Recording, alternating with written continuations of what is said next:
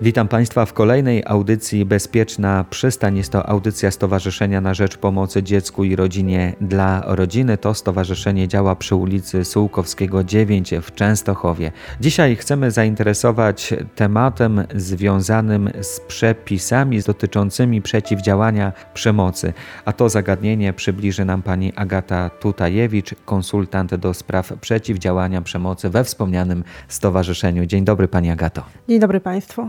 No, sprowadza nas tutaj y, ważny temat, który jest y, związany z ustawą wchodzącą już za kilka dni w życie. Tak, dokładnie. E, dzisiaj chciałam Państwa poinformować, e, przybliżyć taki temat, że 28 lipca 2023 roku została e, ustanowiona ustawa o zmianie ustawy kodeksu rodzinnego i opiekuńczego oraz niektórych innych ustaw, mówiąca o tym, że od 15 lutego wszystkie instytucje pracujące z dziećmi, które mają do czynienia z dzieciakami, począwszy od przedszkoli, szkół, sal zabaw, hoteli, jak i również tutaj nasze stowarzyszenie jest y, zobowiązane do wprowadzania standardów ochrony małoletnich. Ustawa mówi właśnie o tym, że w tych standardach y, będzie mowa o tym, jak y, chronić najmłodszych przed przeciwdziałaniem przemocy różnego rodzaju co powinna dana instytucja robić, jakie działania podjąć, jak powinna wyglądać interwencja, no i kogo powinniśmy poinformować y, o danej, danej sytuacji. Przy czym, Pani Agato, jak mówimy o przemocy, to mamy tu na myśli tę przemoc nie tylko fizyczną, ale też i psychiczną. Dokładnie tak.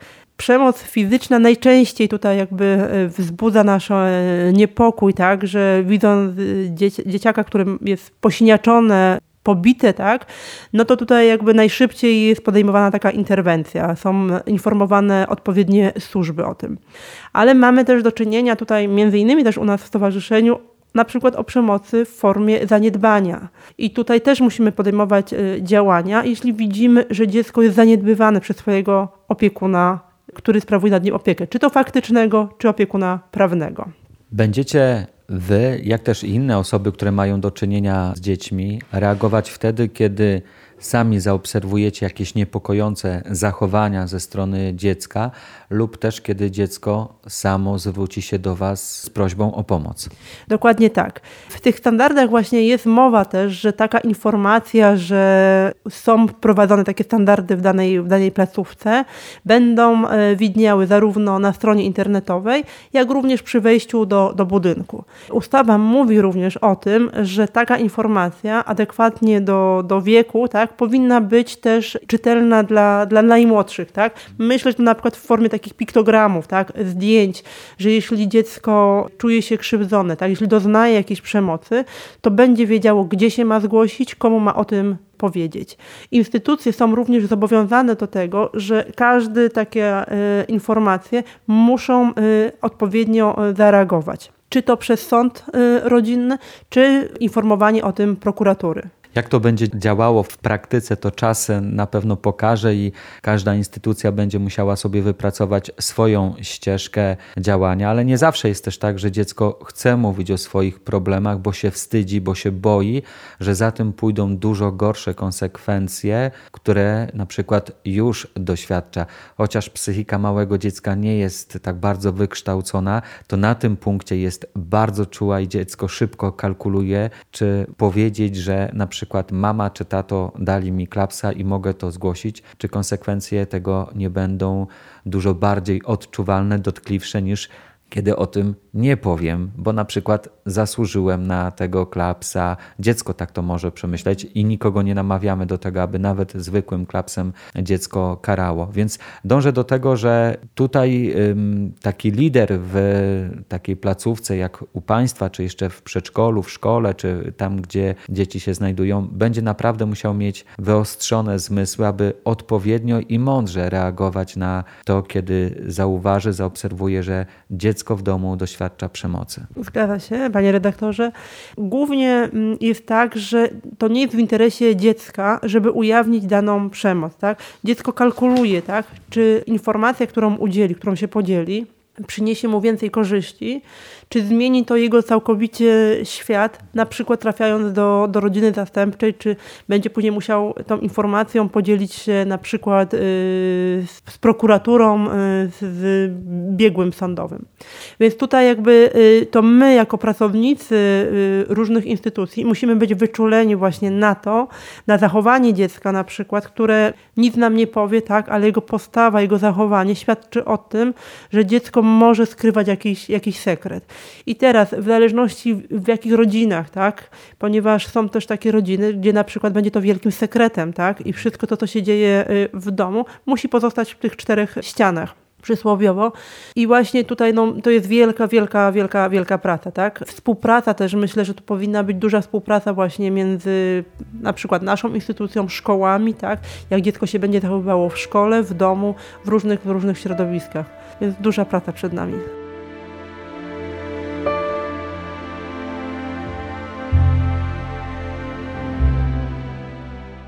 Wy, jako pracownicy stowarzyszenia, może macie o tyle ułatwione zadanie, że nie chcę powiedzieć, że na co dzień, ale stosunkowo często macie do czynienia z takimi rodzinami, które no, wymagają opieki, wymagają koordynatora, aby ich wspomagał w normalnym funkcjonowaniu, więc wy poniekąd te zmysły macie trochę wyczulone w stosunku na przykład do kogoś, kto będzie organizował kolonie dla dzieci feryjne czy wakacyjne i to będzie dla niego nowe doświadczenie. Myślę, że, że tak, tak, bo my już przez y, kilkanaście lat spotykamy się z różnego rodzaju właśnie tutaj przemocą, tak. Tak jak powiedziałam, no, tymi zaniedbaniami w głównej mierze i staramy się już jakby na, na tym etapie, jeśli widzimy, że dochodzi do jakichś takich zaniedbań, tak, no to rozmawiamy z rodzicami, tłumaczymy, jak powinno być, tak, jak, jak to wygląda, co powinna dana rodzina na przykład y, zrobić czy zmienić.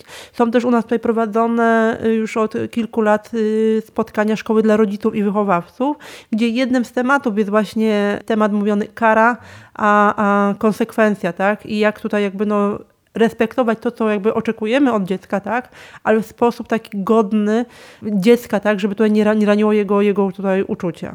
Pani Agato, ma Pani wrażenie, że dostajecie tą ustawą jakieś nowe narzędzia, które pomogą Wam lepiej spełniać Wasze obowiązki? Myślę, że tutaj, y, tak jak już tutaj rozmawiamy w kuluarach naszych tutaj y, z pracownikami, tak, no to to my już jakby realizujemy. W maju przygotowaliśmy taką wstępną politykę ochrony dzieci, tak, więc te wszystkie zapisy jakby one były przez nas realizowane.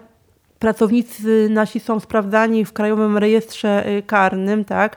Tutaj dobór osób, y, nowych pracowników też jest jakby no, weryfikowany i my już tego po części realizujemy, tak? To będzie uściśnione, tak? Bo tutaj też ustawa mówi o tym, że no to już musi być dokładnie dokumentowane, spisywane. Co dwa lata będzie to weryfikowane, tak? No i w każdej chwili y, może do nas przyjść jakiś organ sprawdzający, tak? No i tutaj musimy to wszystko jakby wykazać, tak? Y, my staramy się też, tak jak powiedziałam, na bieżąco pracować z rodzinami, y, rozmawiać z nimi, tak? No w tym momencie wydaje mi się, że to trzeba będzie już bardziej może rzeczywiście gdzieś zgłosić do sądu, sądu na przykład, tak, y, z informacją o zajęcie stanowiska, że w danej rodzinie na przykład wydarzyła się jakaś y, sytuacja. To tylko tyle, że będziemy musieli być bardziej może informować y, służby o tym, co się zadziało. Jeszcze jedna myśl, bo wy jako pracownicy, wiadomo, z urzędu w cudzysłowie, z racji wykonywanych obowiązków macie prawo reagować, ale nie jesteście w stanie wszystkiego zobaczyć. I tu chyba apel też do sąsiadów, którzy czasami dużo więcej wiedzą i widzą niż wy. Każdy z nas powinien czuć się zobligowany, zobowiązany do tego, aby odpowiednio reagować i zgłaszać odpowiednim osobom wszelkie jakieś niepokojące zachowania. Jak najbardziej. Bardziej coś powiedzieć, zgłosić o tym, powiedzieć, niż y, później doszłoby do jakiegoś zaniedbania właśnie, tak, że, że, że trzeba było zareagować, a tej reakcji na przykład y, nie było, tak. Nie każda y, jakaś taka informacja, która by do nas tutaj dotarła, tak, wiąże się z jakimiś takimi, nie wiem, dużymi konsekwencjami dla, dla dziecka, dla rodziny, czy dla osoby, która tutaj zgłasza, tak. Mamy też takie sytuacje, że na przykład otrzymujemy informacje od sąsiadów, że gdzieś była widziana na, nasza rodzina, czy to biologiczna, czy zastępcza, tak, udajemy się, rozmawiamy i jesteśmy w stanie to wyjaśnić, tak? i powiedzieć na przykład danej osobie, że no w taki sposób nie można y, reagować, tak?